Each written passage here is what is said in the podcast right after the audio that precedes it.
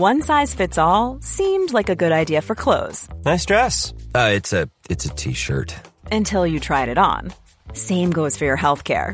That's why United Healthcare offers a variety of flexible, budget friendly coverage for medical, vision, dental, and more. So, whether you're between jobs, coming off a parent's plan, or even missed open enrollment, you can find the plan that fits you best. Find out more about United Healthcare coverage at uh1.com. That's uh1.com.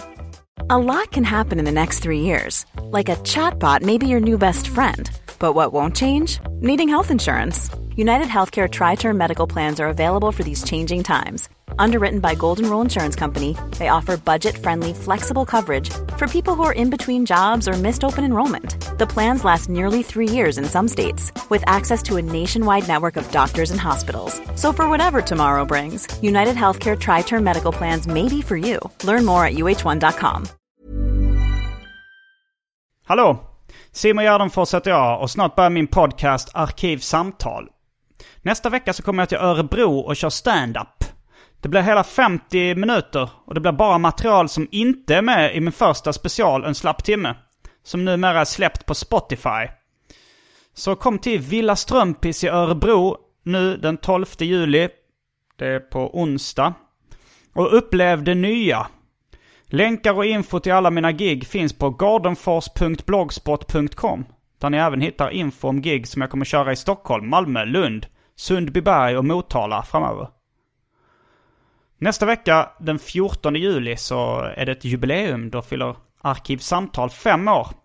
Och jag tycker fortfarande det är svinkul att göra den här podden och känner att många av de senaste avsnitten dessutom är bland de bästa. Till exempel eh, senaste avsnittet med Wahlbeck är jag sjukt nöjd med. Och många andra som jag känner blir bra.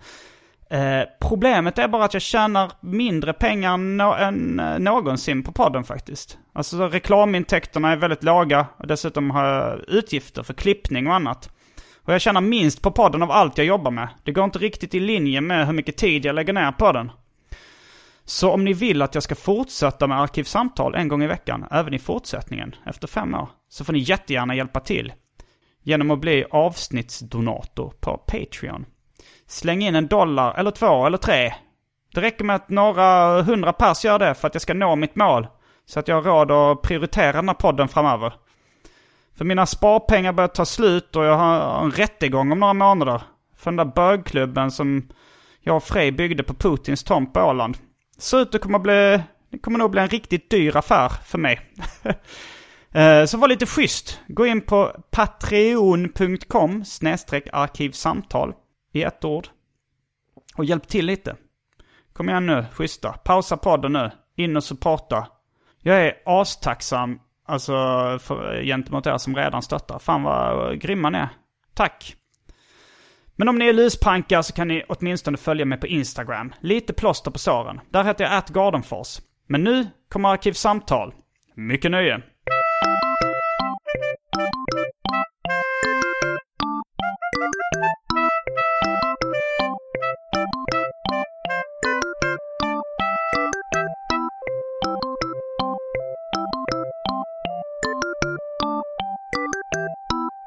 Hej och välkomna till Arkivsamtal. Jag heter Simon Gärdenfors och mitt emot mig sitter komikern Sandra Ilar. Hallå, hallå. Välkommen hit. Tack så mycket. Idag så hade vi tänkt prata lite om grov humor, Ja. vulgär humor och rå humor. Vad skulle du säga är skillnaderna? Eh, nej, det var, jag har inte tänkt på den skillnaden. Jag ville bara, det, det är lite mer synonymer. Ja, jag, ja, jag tänker också det. Men folk kallar det lite för olika saker.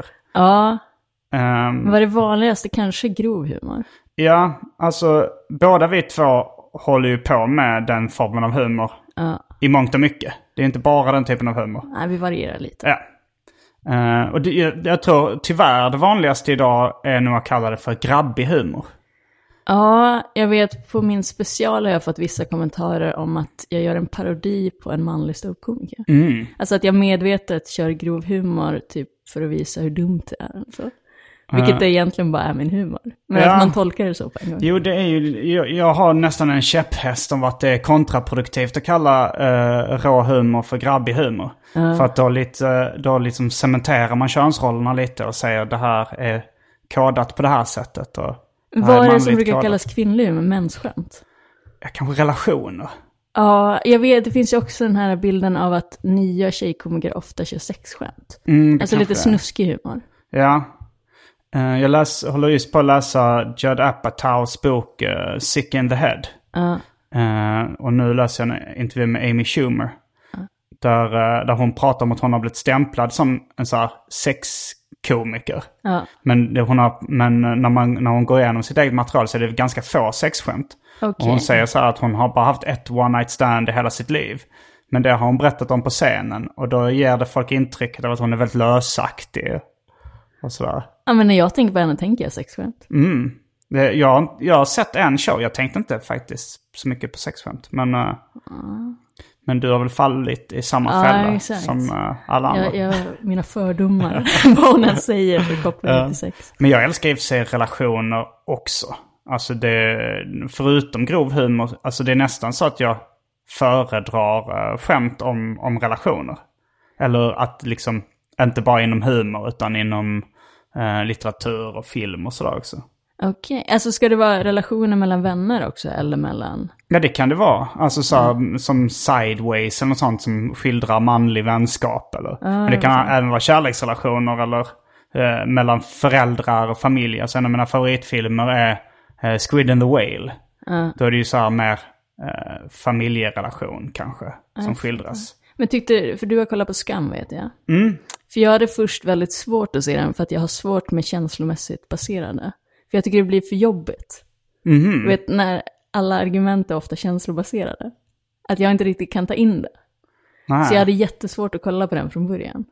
Du, för, eh, du har för mycket autistiska drag. Ja men För, typ. Att du tycker nu, nu, nu handlar de inte logiskt här. Men det är någonting också att jag alltid har tyckt att jag varit lite ointressant. Ja, du är inte så intresserad av relationer kanske? Nej.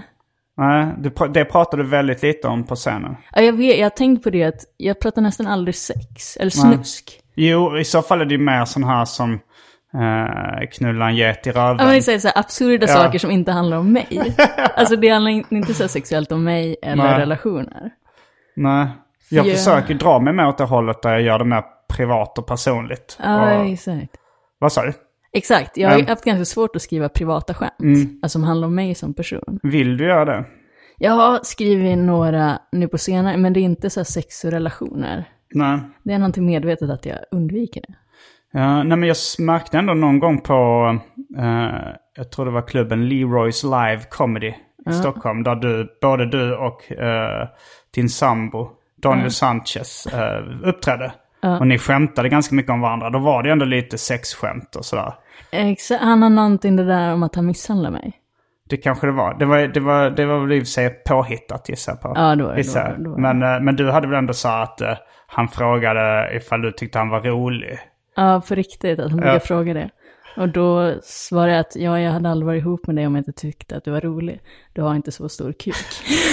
Det är ju ändå sex och relationer. Ja, det är och bas- sant. delvis baserat på verkligheten. Nu Ja. vet jag inte exakt hur stor penis han har. men, Man kan säga medel. Ja.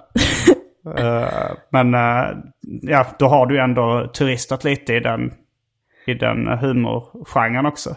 Ja, jo lite, men jag har, kör nog det aldrig om inte han är med. Nej, okej. Det har jag aldrig gjort. så jag har aldrig satt mig ner och skrivit på själva ämnet. Nej. Men jag har alltid varit ganska ointresserad av sånt. Som jag hade åtta år när jag inte pallade träffa någon. Ja, Det levde helt så celibat och bara läste böcker. Ja, det, det pratade vi om i ett tidigare avsnitt. Kanske första gången du var med i Arkivsamtal så avhandlade vi din period eh, inomhus med böcker mest. Så jag har inte haft något problem att leva utan sånt. Nej. Och sen under tonåren hade jag några pojkvänner, men det var mest för att det var coolt att ha pojkvänner. Alltså jag var inte så kär. Du, du säger jag kunde lika gärna vara utan det. Ja, nej men jag, jag har, eh, jag har eh, analyserat mig själv lite. Alltså, eller så här, rannsaka mig själv. För det handlar ju, jag tror relationer handlar ju lite om också så att det är lite status. Ja men exakt. Även som 39-åring så kan jag ändå liksom, eh, om jag en, en uh, öm stund så kan jag liksom komma på mig själv med att fortfarande känna lite så. Ja, men det var också om man tänker din förra flicka, att det var coolt att du fick ligga med henne också. Ja. Att hon var så ung och så väldigt bra ut. Ja. jo, det handlar, ju, det handlar ju om bekräftelse på så många olika sätt. Liksom. Ja, exakt. Det, alltså egentligen så, om bara ren sexuell njutning skulle man ju nästan lika gärna kunna onanera. Ja, Eh, om det inte handlar om något annat. och jag tänker så här att om man ligger runt så kan man inte skylta med det på samma sätt heller. Alltså varje ligg lägger du ju inte upp på bilder Nej, på, man kanske det. borde göra det. kanske lite svårare då att, att ta den där diskussionen efteråt. Efter samlaget. Att så här, är det okej om eh, vi håller om varandra här? Du gör tummen upp. Vi lägger ut på Instagram. Mitt senaste ligg. Det hade varit lite kul. Fast eh, jag tror väldigt många hade blivit upprörda av det. Ja, det tror jag också. Jag tror de hade uppfattat det som skryt. Ja men egentligen är det inte mer skryt än när man har ett fast förhållande. Nej, det är inte det. Det är också lägga upp att man får ligga. Ja. Men det var också så andra saker i högstadiet som har status. Ja. Du vet att tjejerna skulle ha lite äldre pojkvän, Mm, mm, ofta. Det var lite mer bad boy, tror jag. mm. Än vad det är idag, kanske. När man är vuxen menar du? Ja. Ja. Det är inte heller lika coolt att supa längre. Nej, det är inte Det är det. mer patetiskt när någon är full mitt på dagen en tisdag. uh, apropå att bli full mitt på dagen en tisdag. Jag hade nog inte tänkt bli det. Du behöver inte uh, oroa dig. Eh, även om du inte kanske hade haft problem med det. Eh, nu har det blivit dags för det omåttligt populära inslaget Välj drycken.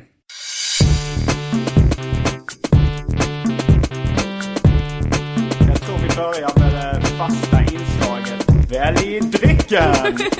Och eh, eftersom jag känner dig eh, så vet jag ungefär vad du kommer välja. Eh, så det här, eh, de här listan jag läser upp är mest på grund av, för att jag själv ska veta vad jag har och på grund av begynnande, inte begynnande OCD, utan någon slags drag av OCD. Ah, Okej. det. Jag tänker att det blir lyssnarstorm också. Ja, hoppar över. för att jag drar till mig mycket OCD-patienter, som jag så skämtsamt kallar dem. De vet vad de får. Okej, då har vi Mando Pills, energidryck i fem olika smaker från ett populärt varumärke. Currywurst Energy Drink. Fanta Zero, Gundelsprit, Baileys, eh, Sleepy Bulldog, Passoir, eh, Malibu, Medhav, tepåse och varmvatten. Eller för tråkmånsar och nejsägare, vatten. Då tar jag med av tepåse. Vad är det? Vad står det på din medhavda tepåse? Alltså vissa tror ju att jag går runt och köper en eldorado Willys. Varför tror vissa att du köper Jag tror det är? Henke Nyblom som går runt och säger det. Han säger att du går runt med en eldorado Te. på- te. Ja. Men det är Kung Markattas ekologiska grönt te original. Okej. Alltså den finns ju på Konsum alltid, eller på Okej. Mm. Ica. Men jag har ändå med mig dem för det är enklare så. För folk menar, men du kan ju bara gå in på affären och köpa den. Att jag inte behöver bära med mig. Ja, det tar ju så lite plats. Jag, jag Ja, har full exakt. förståelse för att du bär med Och det det. väger ingenting. Nej. Och det är onödigt att köpa ett helt paket varje gång jag ska ha te. Och det har blivit, eh, alltså jag gissar på att i början tyckte, det, det har ju blivit en image och en gimmick. Ja, lite, ja. Fast jag tror inte, jag, jag tror inte att det var därför du började med det. Nej, jag har druckit det jättelänge. Det finns ju till och med en, eh, en Twitter-användare som heter Ilars tepåse. Ja, exakt, exakt. Och så har folk jag märkt på klubbar, för jag dricker ofta te innan jag går på scen, så Ja. fotar de muggen och lägger upp på internet. för att man ser sig själva. Det är alltid en sån här tråd och så är det en papperslapp där det står vad det är för te. Ja, ja. Så, så de fotar den. Men jag själv eh, tar, jag tar bara uh, Fanta Zero. Då är vi strax tillbaks med dryckerna, kända från det omåttligt populära inslaget Välj drycken. Häng med!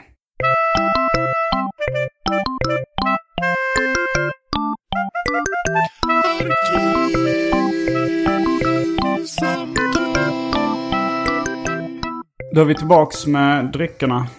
Uh, Fanta Zero och uh, Medhav tepåse. Markattans gröna ekologiska koffeinfria Uh, te. kung Markatta. Kung Han är kung. Okej. Eh, en av mina favoritfanzine uh, heter King Cat. Comics and Stories. Okej. Av serietecknaren John Porcellino. En rekommendation som jag slänger in i förbifarten. Finns det en kung Markatta? Uh, vad är en markatta? Är inte det någon slags katt? Jag vet inte. Man tänker att det är en ondsint katt. ja, exakt. Ja. En sån gatukatt. När jag, innan vi gick och hämtade drycken så, eh, så tyckte, kommenterade du på, eller när vi var och hämtade drycken så kommenterade du på att jag hade en ganska reklamig röst. ja, du är väldigt bra på till exempel när vi gör AMK morgon. När du ska göra din pluggrunda. Ja just det, jag har min säljröst. Ja, Men, eh, och, och du frågade om jag, för du, du berättade att du hade fått något erbjudande om att, att läsa in radioreklam. ja exakt. Eh, Jag har inte fått det. Jag tror att det beror mycket på att... eh, Alltså dels är jag tveksam till att göra det själv. Eh, Allting har ett pris eh, för det mesta. Liksom. Alltså, men så här, exakt. ifall jag skulle, och sen om det varit en produkt jag gillar. Jag har ju gjort reklam i och för sig för kondomvaruhuset.se i den här podden. Eh, Så jag, jag går köpa eh, för rätt pris och då för rätt produkt. Men jag tänker till exempel Doug Stanhope gör ju reklam med sin podd. Mm. Men han gör ju det så överdrivet och samtidigt så kan han trasha företaget lite, du vet. Så. Mm. Han gör det på sitt sätt. Eh, Men varför jag tackar nej alltid, det är lite, när man jobbar med rösten så vill man ju inte sälja den. För Nej. den blir som nersmutsad lite. Ja, det var det. I din podd eh, pratade du med Magnus Bettner om just det. Ja, exakt. Eh, nej men det var, för min, min image är så pass självsanerande att jag får inga sådana erbjudanden. Knappt. uh, alltså jag förlorade just när jag hade ett uppdrag för Rädda Barnen där jag tecknat deras julkampanj och även medverkade som ansiktet utåt i, i reklamfilmen. Men vad fan var det? Eh, det, var, det var exakt samma vecka som vi släppte den här filmen Tills någon dör. eh, där jag och Frej sp- skådespelar att vi dödar ett barn i Kambodja. och försöker få det att se så verkligt ut som möjligt. och då, så de drog in hela den kampanjen. Ah, okej. Eh. Men du fick ändå betalt och grejer. Men de- Ja, men det var ganska mycket alltså, så här, ideellt. För det var liksom Rädda Ah, Barnen, så det var någon ja. reklambyrå som... Så jag fick lite betalt, men det var inte liksom... eh, det var inte vanliga reklampengar som säkert skulle vara tio gånger mer. Okej, ja. Eh, Men, de gick inte ut och sa att de avbröt samarbete som de gjorde med AMK morgon? Och Lens eller? Nej, Nej, det gjorde de inte. De tyckte det var bättre att försöka tiga ihjäl det här. Ja, men det är ju smartare egentligen. Ja, och bad mig också att, eh, att tiga ihjäl det. Nu gjorde jag ju inte det. Eh, men, men jag gjorde inte heller så att jag ringde massa kvällspress. För jag vill ju inte trasha Rädda Barnen egentligen. Nej, det är lite sunkigt att gå på. Men samtidigt så, så vill, jag, vill jag också- inte bli nertystad heller. Liksom. Jag kan Nej. tänka mig att prata i min egen podd. Och, det, och sen ifall någon journalist fick plockar upp det liksom så ja ja, då får det väl vara så. Ja, men jag tänker också om de trodde att det var på riktigt så kan man också fatta lite varför de drog sig. Ja, de trodde inte det var på riktigt. Men de tyckte det var väl inte deras typ av humor. Ja, okej. Eh, vilket då för oss in på dagens tema. Mm. Eh, grov, rå och vulgär humor. Alltså vulgär tänker jag mer sexuellt. Men Ja, ja, men det... Fast vulgärt kan också vara eh, ett annat ord för osmakligt. Och det är många som tycker att rasistiska skämt eller döda barn det var, ju, det, det var ju ett mantra som folk upprepade, att det var osmakligt att skämta om det. Ja. Så osmaklig humor kan vi lägga till till de här synonymerna. det kan vi kanske. också. Eh, Men har du alltid eh, haft en dragning till den typen av humor? Ja, men jag försökte tänka igenom nu innan jag skulle hit vad man kollar på när man var yngre. Men jag har alltid haft dragning åt det här lite mörka. Att jag tyckte att det var mer spännande. Du är lite fixerad vid döden och sådär. Ja, det är jag ju. Men jag minns, alltså när jag var liten då kollade jag ju typ bara Simpson, du vet South Park. Snöade in när jag började kolla stand-up ganska snabbt på Bill Hicks och sånt där. Så jag har alltid haft en dragning åt det där med mörka och tabu. Ja. Belagda än det. Alltså jag kollar inte typ Fresh Prince i Bel-Air. Nej. Men sökte du, liksom letade du aktivt efter eh, rå humor som barn eller var det bara... Ja, men jag vet att jag alltid har gillat det. Vi släppte ju den här rollspelsklubben nu, där jag, Mm. min karaktär är Mongo som heter Björn. Ja, du började direkt skämta om Downs syndrom och våldtäkt efter tio sekunder ungefär. Det var lite att jag hävdade, eftersom jag gick på krycka och hade brutit knät, att jag hade Jaha. tolkningsföreträde Ja. och fick skoja hur mycket jag ville om handikappade den perioden. Så lite för att visa hur dumt jag tycker tolkningsföreträde är. mest. Men det är ju en karaktär, alltså Björn lekte jag och min bästa kompis när vi var åtta år. Mm, Då lekte vi att vi var mongos. Det var vår favoritlek. Den ena skulle vara mongo och den andra skulle vara assistent. Alltså, Ja, då så vi redan då började det. Och det var ju så Men fattar ni att det var provocerande för folk Nej, vi då? tyckte ju bara att det var svinroligt. Ja, men det var, inte, det var liksom inte... För att, ja det är ju dels en... eh, alltså, men när någonting är lite kittlande så kanske det liksom ökar humorn, i alla fall för mig. Ja, men våra föräldrar hade väl sagt att man inte får skratta när de går förbi. eller Så, så det Mm. Men då är det kanske en sån grej liksom också. Ja, att det är det lite förbjudna. Och att vi tyckte, det var ju som att, vet Björn han fick så utbrott Och så skulle man så här försöka få honom att sätta sig i en gunga typ. Och så var han så här livrädd så var så här, Och så, så här, lugn Björn, lugn! Och så skulle man hålla på öronen. För att då skulle han lugna ner sig. Så det, var, det här rollspelsklubben var ett sätt för dig att då... Att kunna leka igen som du gjorde när du var Ja, barn. jag gjorde Björn igen. Vad tyckte du var roligast då? Leka assistent eller Björn? Nästan assistent, för då fick man ju se Björn.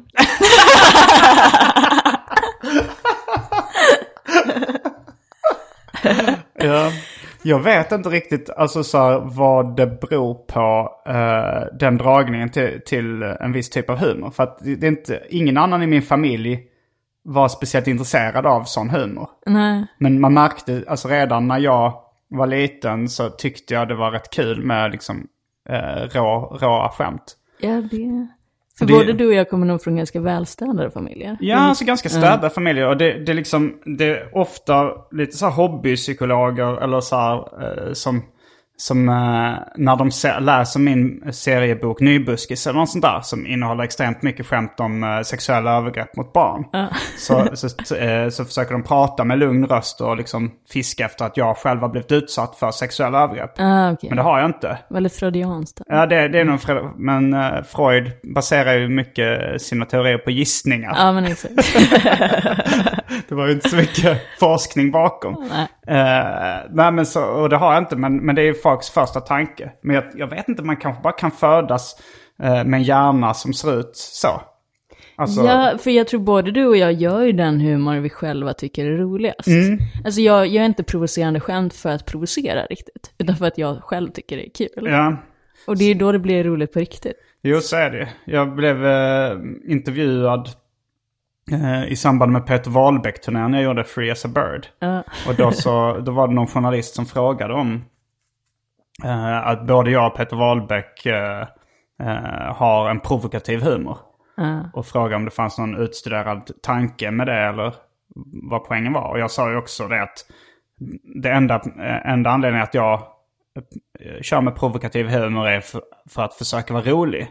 Medan Peter Wahlbeck mer verkar ha fruktansvärda åsikter på riktigt. som han bara liksom vädrar på scenen. ja, men det är ju... det är inte så många utstuderade skämt i det.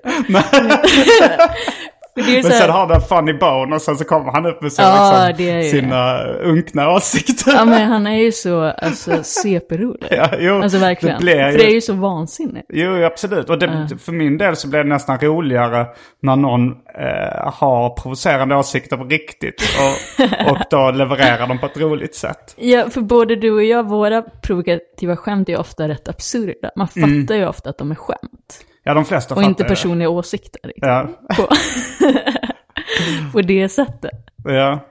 Men ibland har jag ändå märkt eh, att du ibland förklarar Alltså du, du kör en rasistiska skämt och sen så lite före och, eller lite efter kanske mer så förklarar du eh, din teori eh, bakom den typen av humor. Ja, det är lite, jag har den där om att jag tycker att rasism är så dumt att det är roligt för att det är så idiotiskt. Mm. Så när jag är rasistisk på scen så är det en antirasistisk handling, bara för att visa hur dumt det är. Mm. Men jag slutar ju med att säga också att det också var vad Hitler sa. Varför det? Eh, för att han eh, betett sig väldigt rasistiskt. Att han kanske bara ville visa hur dumt det är. Ja, ja, Att ja, du slutar med att säga det. Jag Ja, tänkte du sa jag slutade att säga det. Nej. Att jag tänkte att du inte längre sa det. Jag slutar med den där Hitler Ja. så att det ska... Ja. Jo, eh, ja men jag vet inte alltså jag, om jag om jag eh, tänker likadant som du där. Alltså om, om, det nu, om det nu är dina riktiga åsikter att du, eh, att du drar rasistiska skämt som en antirasistisk handling. Nej, inte riktigt. Alltså det är också att jag tycker det är kul. Ja, ja. det var det jag tänkte komma till. Alltså, jag gör det nog bara för att jag tycker det är roligt. Ja, men jag också. Men... Och sen, eh, och sen, så, sen vet jag inte riktigt om, om det leder till mer rasism, mindre rasism eller ungefär samma som det var innan. Jag ska nu gissa på ungefär samma som det var innan. att de som är rasister tycker så här, ah, fan vad kul att han eh, skämtar om, om rasism. Ja. Och de, vissa antirasister kanske tycker, ja ah, men han är på min sida. Och vissa missuppfattar det medvetet, vissa missuppfattar det omedvetet. Och vissa eh, blir sura tror jag också för, ja, men bara för att de har fått lära sig att sånt ska man inte skämta om. Ja, exakt. Och sen så tror jag också att det visar hos oss själva att vi är medvetna om att det är fel på något. För det är därför vi tycker det är kul. Så genom att man drar skämten så är det också någon slags medvetenhet om att man går över en gräns. Ja, det kan vara så. Men jag tänker att eh, folk som är lite rasistiska på riktigt, som till exempel Peter Wahlbeck, han skämtar ju också. Fast man, jag tycker ändå man kan, man kan eh, som åhörare höra när någon menar någonting på riktigt och när det bara är skämt. Ja, men jag, jag har ju faktiskt nästan aldrig fått skit för grova skämt. Nej, Alltså det är någon gång jag har sett folk gå, men det tycker jag är okej. Så länge Ja. de inte fuckar showen, så om de inte gillar det så får de absolut gå. Eh, så det är någon gång någon skrek när jag ska hem hos Drottninggatan typ dagen efter. eh, Så skrek sluta, men jag hörde inte det. nej. Så jag bara körde på. Jag tror det kanske kommer, för jag, jag gick runt och var, eh, alltså, fram tills en viss uh, kändisskap så tror jag man kommer undan med det. Ja. Sen, eh, sen efter ett tag så börjar folk bry sig. Men är det inte att de fattar att man är komiker och då pallar man inte reagera till slut? Eller? Eh, nej, så är det ju inte. Alltså folk eh, som Magnus Bettner är ju väldigt tydlig komiker till exempel och, eh, och har ju, är ju känd. Men jag tänker vad man gör anspråk Han på att som han fick komiker. mycket skit. Eh, Vad sa du? Jag tänker på alltså, vilken roll man har som komiker, vad man gör anspråk på.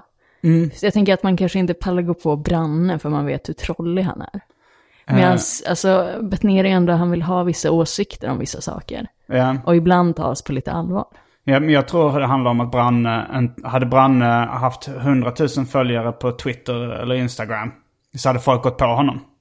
Då, Ja, hade de, eh, då, då tänker de att det här är någon som påverkar folk. Jag har varit med om det eh, när, eh, när till exempel Anton eh, hade liksom, han tryckte upp sina Sis King t-shirts. Ja. Så eh, det hände ingenting. Han, han har kanske liksom hälften av mina följare ungefär. Eh, och sen så var det en bild på mig där jag, alltså på hans Instagram, där jag hade på mig hans, eller jag hade fått en Sis King t-shirt av honom. Okej. Och hade på mig den. Och då var det många, eh, eller då började liksom, då, det var då reaktionerna kom. Och att eh, det kom skärmdumpar på, att jag hade den. Och, och det blev liksom en skitstorm i viss mån. Men vad menar du var fel då jämfört med när Anton hade det? Att jag har mer följare. Att folk bryr sig inte när det är någon som... Alltså jag tror det är Men är det inte också att... An- någon, någon som An- är lite folkligare. Alltså Ja, att jag är det är lite mer folklig. Tänk, och att Anton är så tydlig karaktär. Ja, Alltså nu det. vart ju folk De förbannade när de bokade han på Emma Boda. Vad sa du? Folk vart ju förbannade när de bokade han på Emma Boda. Ja just det, men då var det ju också att då nådde han ut till fler. Ja, så kan det vara. För att de, den här personen då, eh, som Tom Jerry Boman som startade liksom eh, det här uppropet, alltså som stoppade den, eh, den homofobiska, sexistiska och rasistiska rapparen.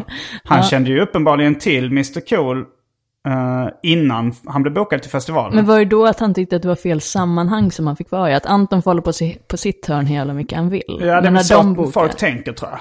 Att när det är ett större sammanhang, ja, när det är då- Emma Boda, att de ska inte boka han. Ja, då protesterar folk när det är ett större sammanhang. Att folk tycker väl lite att är det någon som bara sitter på sin kammare och når ut till sina närmaste kompisar så är det mer okej än, äh, än när det liksom får spridning på ett större sätt. Ja, och när man kollar Antons egna kanaler så vet man väl hur han är. Ja. Och det är ingen idé att gå på, Men, kanske. För jag tror jag berättade den här, har jag berättat om de här gatukonstnärerna? eh, nej. Att det var en gatukonstnär som, eller tidigare, att det är mycket svårare att gå ut och försöka vara hygglig. Du vet, som gatukonstnär och snäll. För så fort du gör något som är lite dumt eller aggressivt, då tappar folk förtroendet för dig. Nu Men om du går ut och är ett svin från början, alltså om du är så hård och driver och, Ja. alltså vi säger att du är någon gycklare på gatan eller så. Ja. Och ja, om jag, du jag då- tänkte på Dan Park direkt när du pratade om provokation och gatukonstnärer. Nej, jag menar en sån här gatugycklare. Ja, ja, som, ja, ja. Ja. ja, men om du är ett svin från början och är så otrevlig och sen visar lite hjärtlighet, då gillar folk dig. För då tänker de, åh, han är god på riktigt. Medan om man är så här helylle från början och ska vara så glad och sen råkar tappa ansikte, då är man en fake. Mm, men den psykologin känner man ju igen från vardagslivet också. Ja, jag tänker också det. Någon För jag som- tänker när Branne visar att han plötsligt gillar kattungar, tänker man så ja men han har ett hjärta ändå. Medan som typ Johan Glans plötsligt skulle säga något lite sexistiskt, Mm. så tappar han hela sitt ansikte. Ja, just det. För att han har en helylle image. Så det... Man ska ju... Man har, man har bara... Man har, man har bara en chans att ge ett riktigt dåligt första intryck. Ja men det är en fördel att gå ut som ett as, för då kan man bara positivt överraska.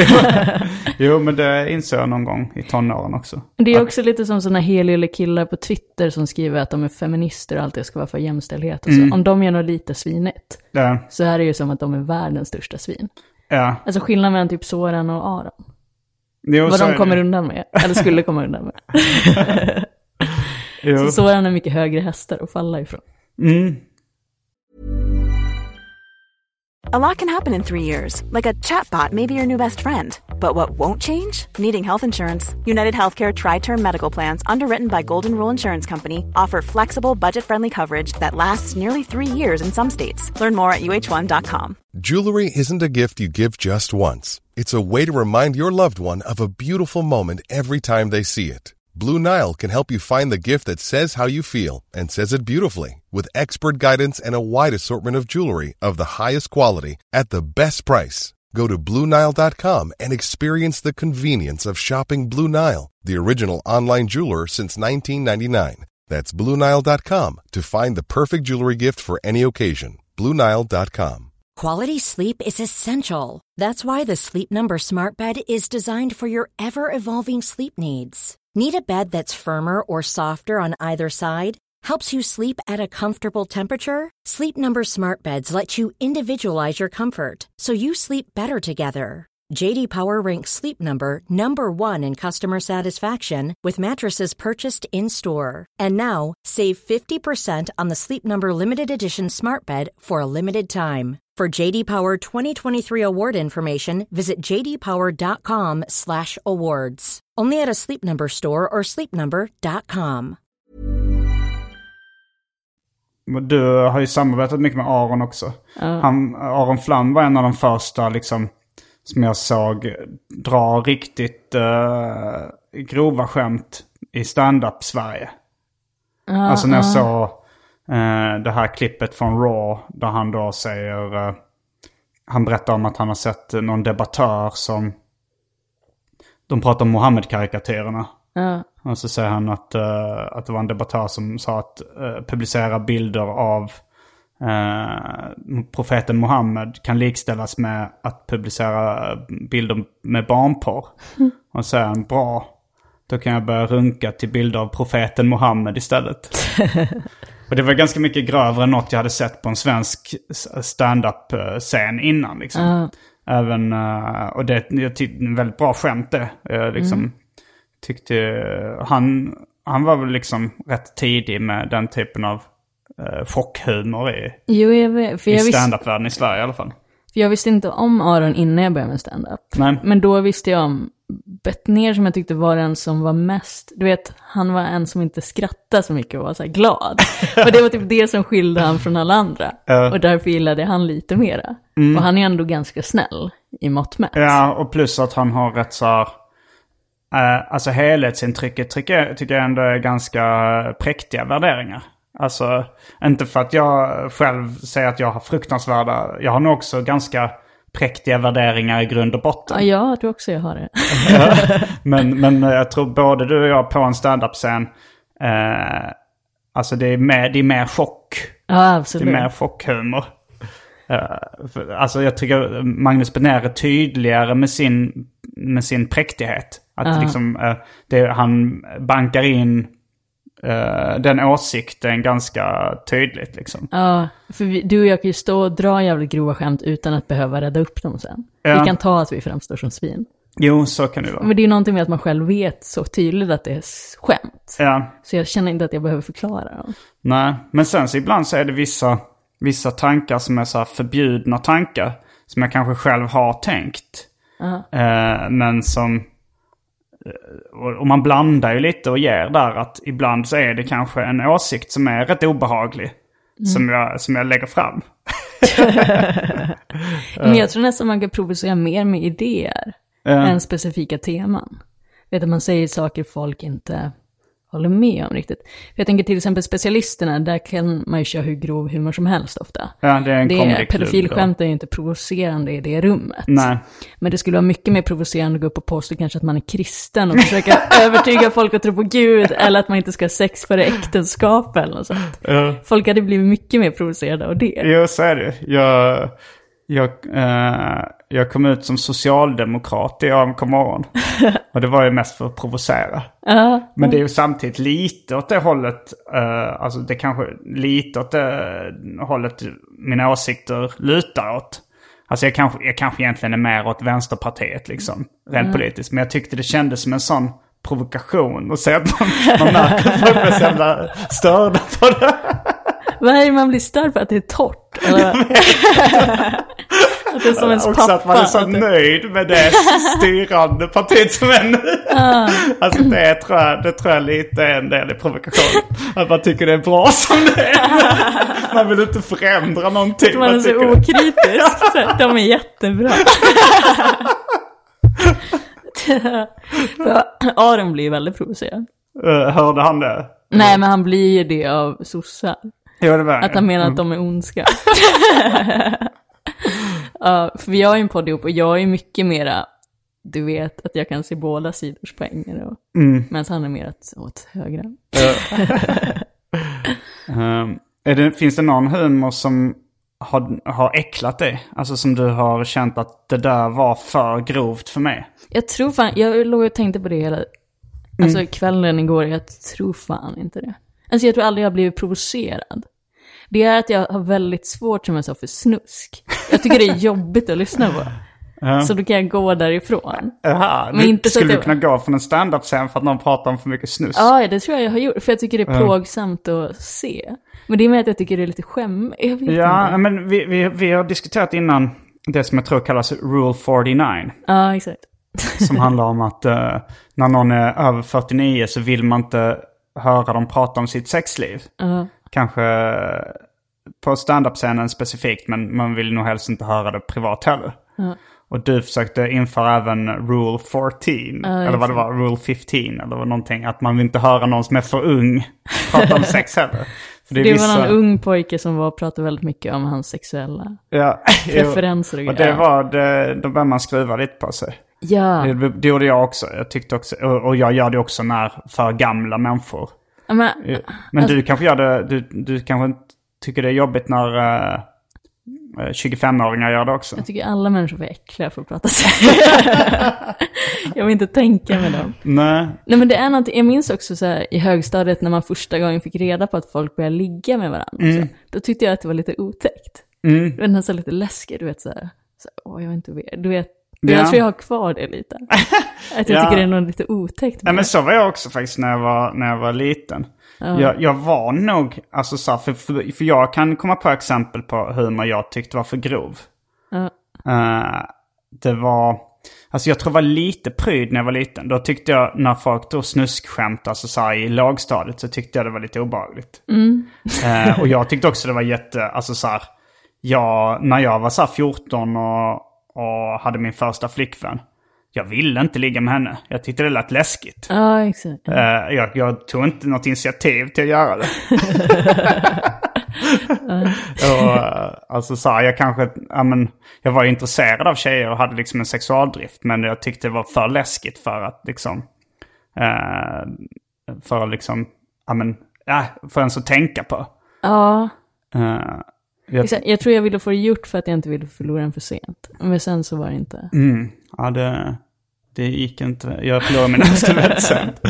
Men, eh, men jag, kommer ihåg, jag var ganska präktig. Och sen så, jag läste ju, jag läste lite eh, så här uh, Python. Alltså jag samlade på serietidningar. Eh, och, och jag, hade fått för mig att första nummer av serietidningen skulle bli väldigt värdefulla också. Jag hade läst det. Det kan jag säga till er unga seriesamlare ute. De blir inte speciellt värdefulla. Men då köpte jag första numret av tidningen Python. Ja. Och då tyckte jag nog att den var lite för grov. Att det var mycket sexskämt och sådär. Men jag köpte den för att liksom, det var ett första nummer och tyckte det var ändå lite spännande. Liksom. Ja, att det fanns en Men- spänning i det ja, också. men jag blev ändå lite äcklad av den. Men sen började jag värmas upp till det liksom. Okej. Eh, till den typen av humor. Och, eh, och då började jag ju så här, fan jag vill ha grövre grejer. uh, jag började lyssna mycket på Two Live Crew, som, alltså hiphopband som har mycket sextexter. Och, och, eh, och sen så började jag även upptäcka underground-serier, alltså seriefanzine som, som inte var utgivna av något större förlag eller sådär. Och då kommer jag ihåg att jag köpte ett danskt fanzine som heter Achtung. Eh, ett danskt seriefanzine av en tecknare som heter Sverre H. Kristiansson. Eller Kristensson kanske han hette. Och då kommer jag ihåg att jag igen bara, åh herregud, det här är för, för grovt. och då var jag kanske ändå 15 liksom. Men eller visst betyder 16. det achtung till varning eller någonting? Jo, det betyder varning. eh, tror jag. Eh, men då var det mycket så här typ nazist som är inne på koncentrationsläger som knullade en jude i näsan och kom. alltså så här, de skulle, det var verkligen så chock. Så eh, aristokrat. Ja, Aristocrats i serieform skulle man säga. Men det här var innan, det här var nog liksom 93 kanske. Ja, okej. Eh, rätt länge sedan. Ja. Men jag, hör, men jag hörde också i efterhand, eh, för jag, ble, jag, jag blev ganska liksom... Sen, sen efter ett tag så tyckte jag ju att det, så, det bara är kul. Liksom, med den typen av humor. Även om jag behövde bara liksom vänja mig vid det. Eh, och jag, jag kommer att bli intervjuad i tidningen Vice. Som jag hade lite svårt för. För att, kanske ganska mycket för att jag tyckte det låg för nära min egen provokativa humor och kände lite konkurrens. Och här kommer några som gör lite samma typ av humor som jag är intresserad av. Så då, då, och så har jag känt mig mycket, så var det nog med Killinggänget också, att jag blev lite, alltså vände mig emot det. För att jag tyckte, ah, det där är, det där är lite för likt min humor. Att man nästan blir avundsjuk för att Ja. man tycker det är så bra. Ja, Så är det kanske. Jag, så, när jag intervjuade Färska Prinsen, om du vet vem det är. mm, ja jag tror det. Eh, Då så sa han att han kände ungefär samma sak när han hörde mitt första band Las Palmas. Ah. Att han började tycka illa om det för att det var lite för likt och han kände liksom någon form av konkurrens. Men enligt Nietzsche så är avundsjuka något bra. Mhm. För det innebär bara att, för han menade att kristendomen gjorde fel att gjorde avundsjuka till en synd. För egentligen så visar avundsjuka bara att du verkligen vill något. Och du ska använda dig av den energin till att åstadkomma det du vill. Ja, det var en intressant tanke. Det andra, gång, andra avsnittet i rad vi pratade om Nietzsche. Aha. Jag pratade med min pappa lite om honom i förra avsnittet. Okej. Ja, Jag lyssnade på din pappa tidigare, han är jätteintressant. Men då när jag läste Arthur, men då när jag liksom blev intervjuad i Vice, jag tror jag tecknade lite serier till och med också, eh, en eller två. Då, då så berättade de att eh, grundarna av Vice var inspirerade av då Sverre H. Kristiansson. Okej. Så han är en dansk serietecknare. Han, han dog i cancer.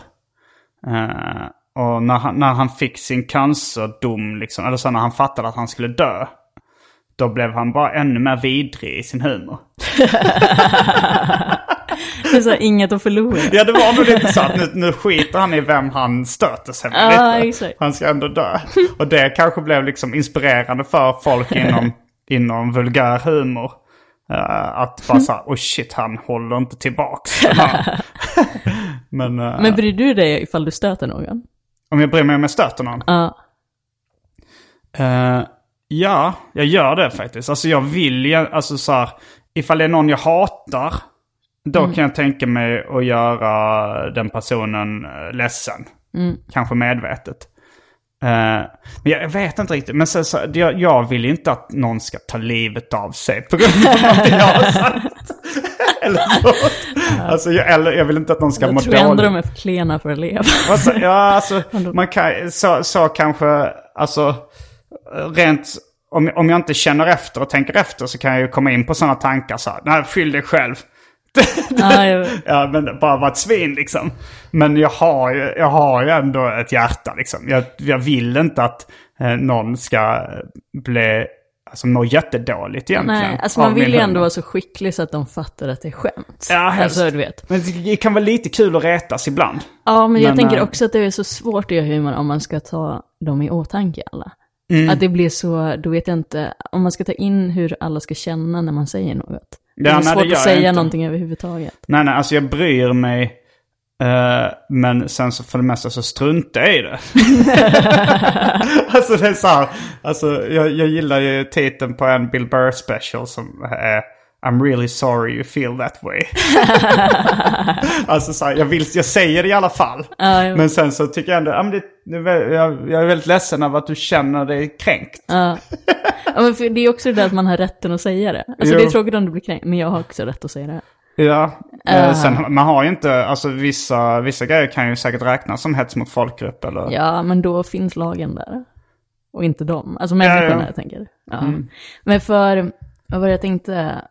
Ja, men det är ju också den här, vissa menar att om det är svinroligt eller bra, att det alltid finns folk som kommer hata det.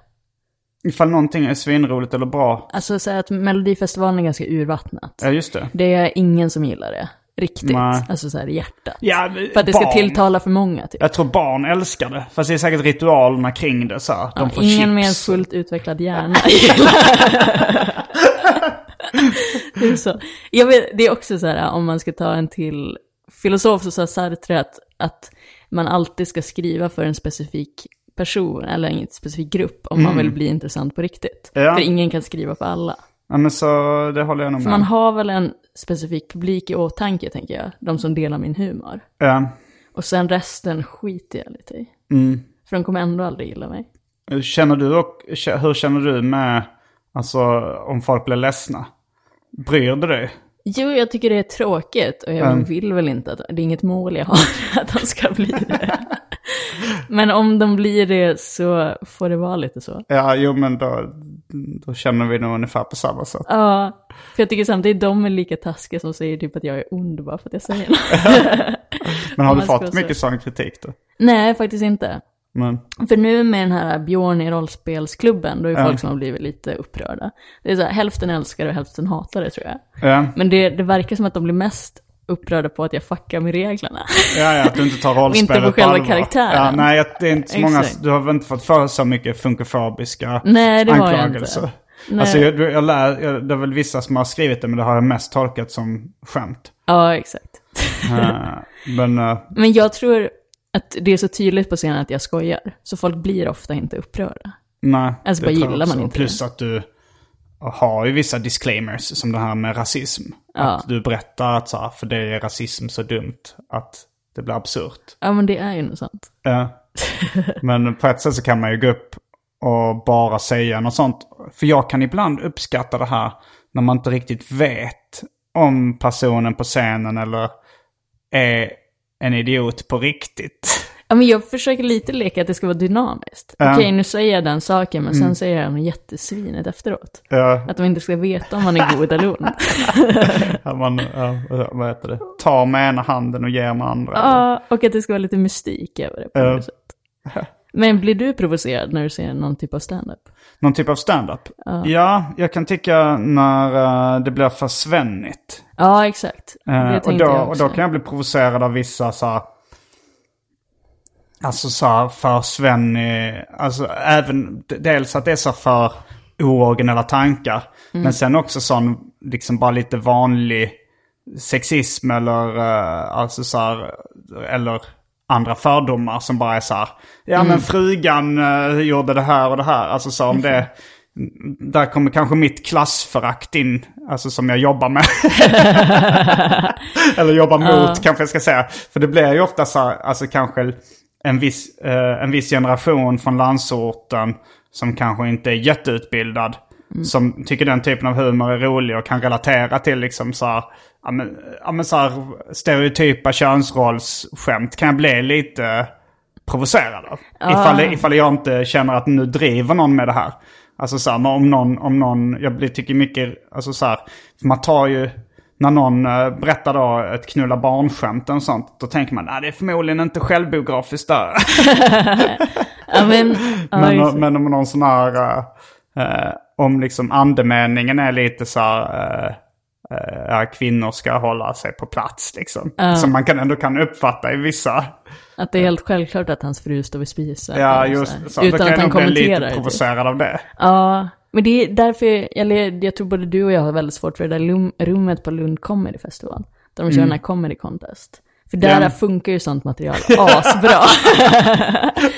och att det kan vara skämt som man själv har hört 40 gånger. Som får världens applåder och de går vidare i tävlingen. Ja, det var ju jag- där du gick upp och provocerade. Ja, jag, jag ställde upp eh, ett år och gjorde mitt bästa och tänkte så här, nu ska, jag, nu ska jag köra material som inte är stötande. Jag ska anpassa mig till den här publiken. För jag tror fan jag åkte ut mot den som var sån där frugan och jag. Ja. Alltså komiker. Men så då, jag gjorde mitt bästa liksom och försökte anpassa mig. Och jag åkte ut direkt. Eh, och sen så, så tänkte så för, an, fick jag frågan om jag ville ställa upp eh, nästa år. Då tackade jag först nej, men sen kom jag på. Jag ska ställa upp och jag ska hämnas. jag ska hämnas på publiken. Publiken som var offret. Ja, jo. Och så då så gick jag upp och bara körde de hårdaste one-linersarna jag kunde dra om att knulla barn. Så bara, hela mitt sätt var bara pedofili, sexuella övergrepp mot barn och incest. Eh, och det blev total tystnad. Men jag hade ändå en liten hopp, förhoppning om att, så här, att det skulle bli en sån här oväntad vändning och att jag skulle vinna tävlingen. Men det var tråkigt. Det blev bara tystare och tystare. Men hur tycker du då det är att stå där? Ja, det är var du helt bekväm det var, med Nej, det? det var plågsamt alltså. Ja, jag tycker det, var det, var, det var plågsamt för alla, inklusive mig. Det är ingen som vann på den hemma. Ah, men det finns någon sån där, om man är hård och bombar så är man bara ett rövhål. Ja, och man ja. känner ju sig som det själv. Men om man är så här, man är, försöker vara snäll och rolig, men då är det så lite mer, men han försökte i alla fall. Ja. vet sådär, men det var inte så kul. Ja, då, men då- men det var väl det, vinsten av det var väl ryktet om att jag hade gjort det. Att folk Ja. hade hört det. Och det var ju många komiker som hade åkt ut i tävlingen som, eh, som gillade det. Jag kommer Mm. inte ihåg om det var Frasse eller om det var någon annan som var så kom, kom fram och sa Fan vad bra, fett att du bara pissade på den här jävla... Men det är ju så tävlingar som går mitt på dagen när typ pensionärer och tid Mm. Så det, det blir ju lite konstig humor som. Jo, alltså då kan jag ändå, då kan jag ändå kanske njuta lite över att de blir kränkta. Ja. Jag vet inte, det, det är vissa... jag, jag hade ju, alltså så här, eh, jag hade kanske blivit ledsen ifall någon, något barnbarn berättar så här, min mormor tog livet av sig för att hon mådde så dåligt efter det. det hade varit lite, lite kul samtidigt. Ja, Men jag hade nog mest mått dåligt och ha- haft eh, empat, känt empatiska känslor där. Så här, Oj, det är tråkigt, jag beklagar att du förlorat din mormor. Det var synd att hon behövde lida. Hade du blivit ledsen om, hon, om en mormor blev så chockad att hon dog? alltså, för gött. Hjärtattack. Då Det är en bra story. Det var en som svimmade på ett av mina sätt i, i Gävle. Ja, just fan. Eh, jag vill ju gärna att det ska vara på grund av att eh, personen blev chockad av min humor. Men förmodligen var det väl att det var väldigt varmt och trångt. Så någon som suttit och supit hela dagen plötsligt försökte resa sig eller någonting. Men det var någon som klappade ihop. Men, Men, men du, så det är det du tycker är mest provocerande när du ser på vanliga scener? Det där svennebanan. Ja, men jag har ju också blivit provocerad av ren chockhumor. Eh, alltså tidigare, som första gången jag läste Python eller första gången jag läste Achtung. Eh, då blev jag ändå så, oj nej det här är för grovt. Alltså jag tror även jag gjorde det när jag hörde sådana här liksom, kanske lite snuskiga sånger som barn. alltså så att jag blev lite chockad och tyckte oj det där var obehagligt. Ja. För jag tänker, jag tänkt någon gång att det just det där att jag också kan ha svårt för snusk eller att det är så. Att det är lite försvarsmekanism. Att jag gör det, alltså till exempel terrordådet. Att om jag ska tänka på det seriöst så blir det för jobbigt. För då blir det för stor grej. Så jag Ja. måste skoja om det. för att trivialisera det lite för mig själv. Att det är någon slags bearbetning. jo, det, det kan ju vara en, en förklaring. För om jag tar saker seriöst blir de nästan för stora för mig. Ja. Att det blir outhärdligt. Men kan inte det också bara vara en ursäkt för att man tycker det är roligt med, med provokativ humor? Ja, en intellektuell legitimering. Ja, ja, jag tror det. Men sen så kan det, jag tror det kan ligga någonting i det här med att man, om man själv är, är lite, liksom, lite lättäcklad, Ja. då kanske man tycker det är roligare med snusk än om man är helt lugn med det. Jag tänker så att om du ska göra skräckfilm så bör du nog själv vara lite mörkrädd och tycka saker är läskiga. Eh, för att liksom kunna koppla, eh, koppla på den känslan, koppla på det känslospektrat. Ja, och hitta det Spektrumet. som är det läskiga kanske. Mm. Och så, för så tror jag det blir liksom med, med... Om man kanske är lite känslig så kanske man har, också kan... Eh, om, om man är helt blasé så kanske man inte blir lika intresserad av chockhumor heller. Nej. Jag tänkte på både jag och Elinor skrattar automatiskt när, när, något, eh, när någon punchline är att någon knullar någon i röven. Men ingen av oss eh, har någonsin haft analsex för att vi tycker det är lite äckligt. Men, men vi, av, av någon anledning det så här att, eh, att ja, det finns många sådana punchlines där det blir lite extra kul. Ja. Men- Det kanske är just, man ser det själv som något så brutalt. Så det blir så här, wow! Jo.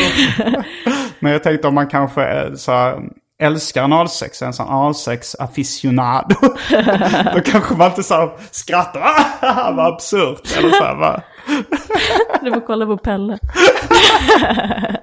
Han skämtar i och för sig ja, lite, det är inte jättemycket. Nej, inte lika mycket som det kanske är Elinor. någon... ja. Men de här som hävdar att man skämtar bort saker, att man inte tar dem på allvar för att man skojar om dem. Att man trivialiserar Ja, normaliserar. Att det skulle vara samma sak. Att bara för att du skämtar om det så...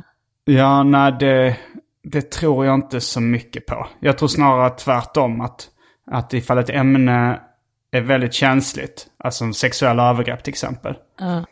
så tror jag att ifall folk har skämtat om det, Ja. så tar man lite udden av känsligheten kring ämnet och att det kanske är lättare att prata om ett ämne som det har skämtats om lite innan. Ja, exakt. Det är En- någon slags ventilering också.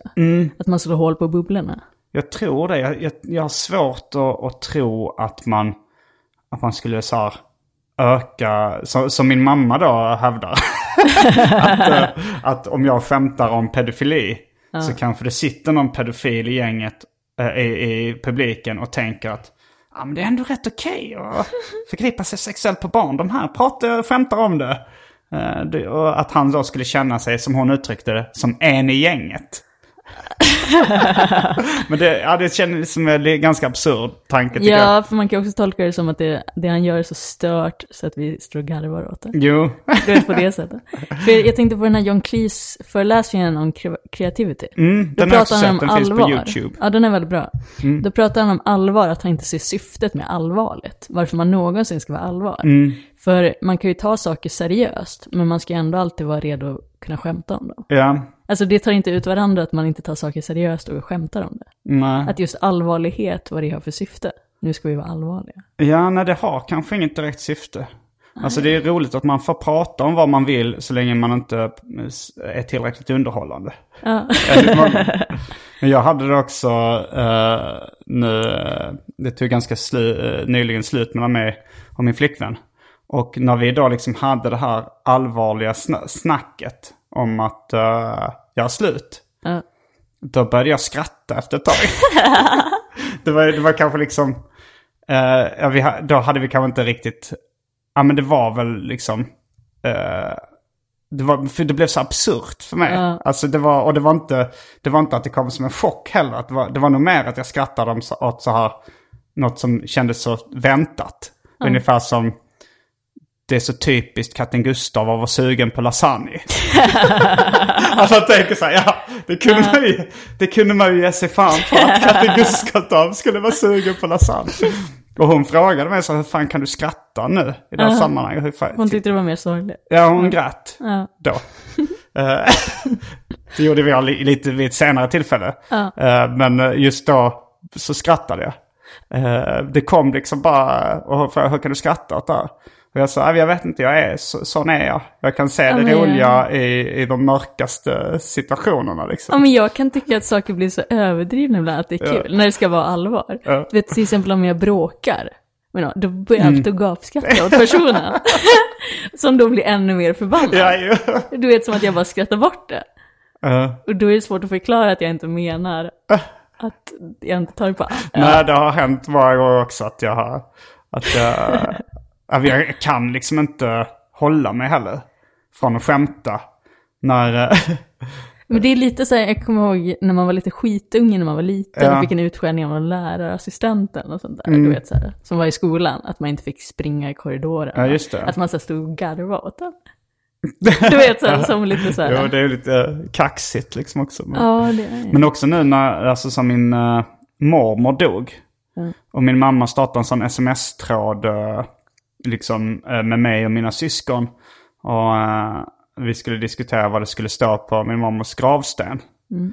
Jag kunde inte hålla mig för att börja trolla den tråden efter ett tag. Och det var ju liksom, det var ju, jag vet inte varför, för jag visste egentligen att bara min mamma skulle bli irriterad och mina syskon skulle bli irriterade. Och det var, det var liksom inte för att spela tuff inför någon annan, för det var ju bara en sluten sms-tråd. Men det bara, jag, jag, tänkte så att det här, jag bara, borde, inte skriva det här. Och så gjorde jag det. Ja, men man vill ju in och peta.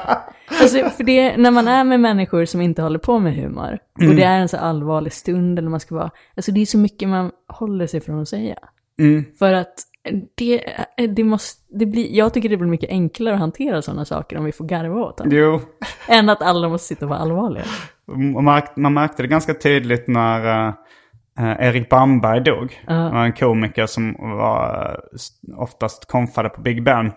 Och, eh, och vi hade en sån minnesstund för Big Ben. För då är, då är det liksom, då är man ju ett gäng, ett helt rum där alla är klassens clown. Där alla skulle in och peta liksom. Där det gjorde som mest ont. Men jag tyckte det blev rätt fint ändå för att man liksom, man fattade, det, det blev en sån gemenskap med folk som hade ungefär samma inställning till livet och humor. Ja, för även om vi drev en så hade jag en ganska skön känsla i hjärtat hela tiden. Jo, Alltså det var inte som att man kände att man trivialiserade det. Nej. Utan tvärtom, du vet. jo det blev verkligen lite. så. Det blev lättare att prata om det också när man fick skämta om det. Ja, absolut. För jag var ju även på hans begravning som var mycket seriösare. Och där kände jag nästan ingenting för att det blir så seriöst och tillgjort tycker jag. Ja, Att de säger saker som inte jag tycker relaterar till Erik. Och att det är som planerat att nu ska vi känna sorg. Nu ska det vara, då blir jag så tvärt emot att jag vägrar typ. ja, Alltså jag blir ledsen när jag då tänker på han i mitt eget huvud, med mina egna ord. ja. Men inte när jag lyssnar på den där prästen som, som aldrig träffar honom. Fan. och som står och säger något bara. Då blir jag mest bara arg. Ja, jo, det skulle jag nog också känna. Så jag fick ju mycket mer ut när vi stod och drev med honom, Mm. än på begravningen. Ja. ja, det var rätt roligt för vi gjorde en roast med honom något år innan han dog. Ja. Då, eh, som finns på YouTube också. Ja, exakt. Eh, där både du och jag medverkar. Så först drev man med honom när han levde. Och sen när han var död. Cirkeln är sluten. Ja. Men det är ganska mycket av min favorithumor som är helt familjevänlig också. Okej. Alltså som till exempel Seinfeld eller... Ja, du gillar Lucy Kay också. Mm. Han är äh, både och. Han är Han är ganska både bra på att varva faktiskt. Ja, han kan ju vara rätt grov. Ja, och jätte, jätte clean Ja. också. Alltså det är en förmåga att kunna skoja om båda. Mm. Har För du det- många favoriter som är familjevänliga? Ja, men jag gillar Louis CK, han är ingen favorit. Nej. Alltså jag gillade ju Mitch, Hedberg, Mm. men han är mer absurd. Han är absurd men han är inte speciellt vulgär. Eller? Nej, exakt. Eh, Han har nog inga riktigt stötande skämt vad jag vet. Nej, och jag gillar ju även Woody Allen. Mm. Och han är ju också mera konstig. Med hans privatliv som är stötande. Han är, I verkligheten.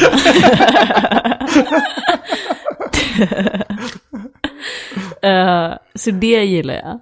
Eh, Men i övrigt så är det nog det grö... Alltså jag vet inte, när jag tänker svenska kommer jag älskar Jonathan Unge. mm. Och han är ju också lite både och. Ja, han kan nog vara bra också. Men jag tycker om när det finns den där lite mörkare nerven i det också. Ja, För det är någonting med att om det bara är rent skoj utan mörker så blir det så tomt för mig. mm. Det är lite som att se en Hollywood-rulle utan att ta in någonting riktigt. Ja, men jag kan gilla det också. Alltså som till exempel Mitch Hedberg eller Johan Glans eller, eh, eller tv-programmet Seinfeld då. Jag tycker Seinfeld stand-up inte är riktigt lika kul. Ja, Och Jim Gaffigan, som också är en clean comic. Ja, jo, delvis tycker jag också det. Men det, det griper ju tag i en mer när, eh, när någon pratar om de här liksom mörka sidorna av sig själv eller förbjudna tankar eller... Ja, men lite ärlighet på något Ja, sätt. jo. Jag tror det är det som är lite ute efter. För jag minns också att jag har sett han där, vad heter han? Han som kör massa hårda one-liners som kom ganska nyligen. eh, Jimmy Carr. Nej, den här unga killen som var ihop med Amy Schumer tidigare. Jaha, nej det, det vet jag inte vem det är. Ja, men okej, han har i alla fall en special när han bara kör jättekorta skämt som Mm. är jättehårda. Eh, Typ one-liners i princip. Och där blir jag så jävla mätt efter ett tag. Mm. Alltså jag måste ha någonting mer än bara provokation. För dels så lär jag mig formen på one-liners ganska fort. Så Mm. jag vet att det alltid kommer en twist i slutet när han står och pratar. Mm. Eh, men också att jag blir så här, men du är bara ute efter att säga det värsta du kan. mm. Och då blir det också helt ointressant. Ja. Det finns någon tomhet i det också. Men om du, om du gillar ärlighet i humor och liksom kanske strävar mer efter, eh, efter den typen av berättande. Tror du att du, någon, tror du att du kommer börja prata om sex på scenen? Alltså så privata... Nej, men jag har börjat skriva mera om mig själv. Mm. För jag har gjort en utredning som visar att det är mest troligt att autism och ADHD. Samtidigt. vänta nu.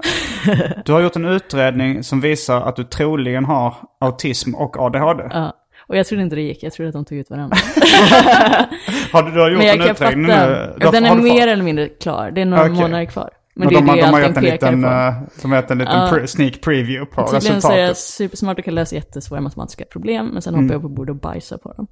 Det är typ diagnosen. Och sen, va, du kan, eh, nu, jag hör, du pratade för snabbt där. Men att ena är helt så kontrollerad, strukturerad och Mm. behöver så tystnad och blir helt apatisk av hög musik. Mm, och den andra det- delen är bara totalt kaos. Okej. Vet, och att jag har som båda. Ja. Och att det blir konflikter. Ja. Mycket. Men samtidigt så låter det som att de två motpolerna kan ju ändå skapa rätt rolig humor. Ja, absolut. Så det har jag skrivit flera rutiner på nu på senare. Mm. Och det är mera åt det personligare hållet. Mm. Så jag, hade, alltså jag tror det handlar lite om skicklighet, att när man är ny så skriver man ganska kortare skämt. Mm. Kanske inte så mycket om sig själv på ett personligt plan. Mm. Jag tycker inte det är så personligt att prata om att man har en fru. Utan mer hur man känner kanske, eller Ja, alltså- upplevt på riktigt. Det är kanske mer om man, om man erkänner att man så här, egentligen vill skilja sig från sin fru men lever men kvar exakt. bara av ren... Då, då känns då, då är det nog någonting som kan Ja, gripa det, tag alltså det är mycket en ärligare vinkel på något Jo. sätt. Så då blir det mer personligt. Så det är någonting som jag gjort senast och som jag tycker typ är intressantare. Mm. Men jag vill också ha kvar det som bara trams. Ja, Du vet att det ska vara någon slags kombination. ja. Jag, jag har också märkt att jag kan skriva personligare och, och mm, ärligare liksom nu. När jag har fyra års övning bakom mig. Ja. Men jag tycker också det, men jag vill ju inte heller. Det är, ofta, det är tråkigt ofta när en konstnär eller komiker eller någonting mognar. Och liksom bryter med sitt gamla tramsiga jag. Då saknar man alltid det här bara totala anarkistiska tramset. Så det kommer jag inte heller släppa. Nej, man vill ju inte bli en föreläsare heller. Nej, det är, känns som det är ganska många som har blivit tråkiga eh, med åren. Liksom. För För, jag tänker, om man ändå står på en comedy-scen så ska det vara skämten först. ja, Och sen om du lyckas få mer tankar i det så är det intressant också. Mm. Men det borde ju vara humorn som kommer i första rummet. ja. För det är egentligen ens uppgift på scen, framför allt. Jo, annars får man väl göra en teatermonolog. Ja, exakt. Och med de orden så avslutar vi veckans avsnitt av Arkivsamtal. Jag heter Simon Gärdenfors. Och jag heter Sandra Ilar. Fullbordat samtal.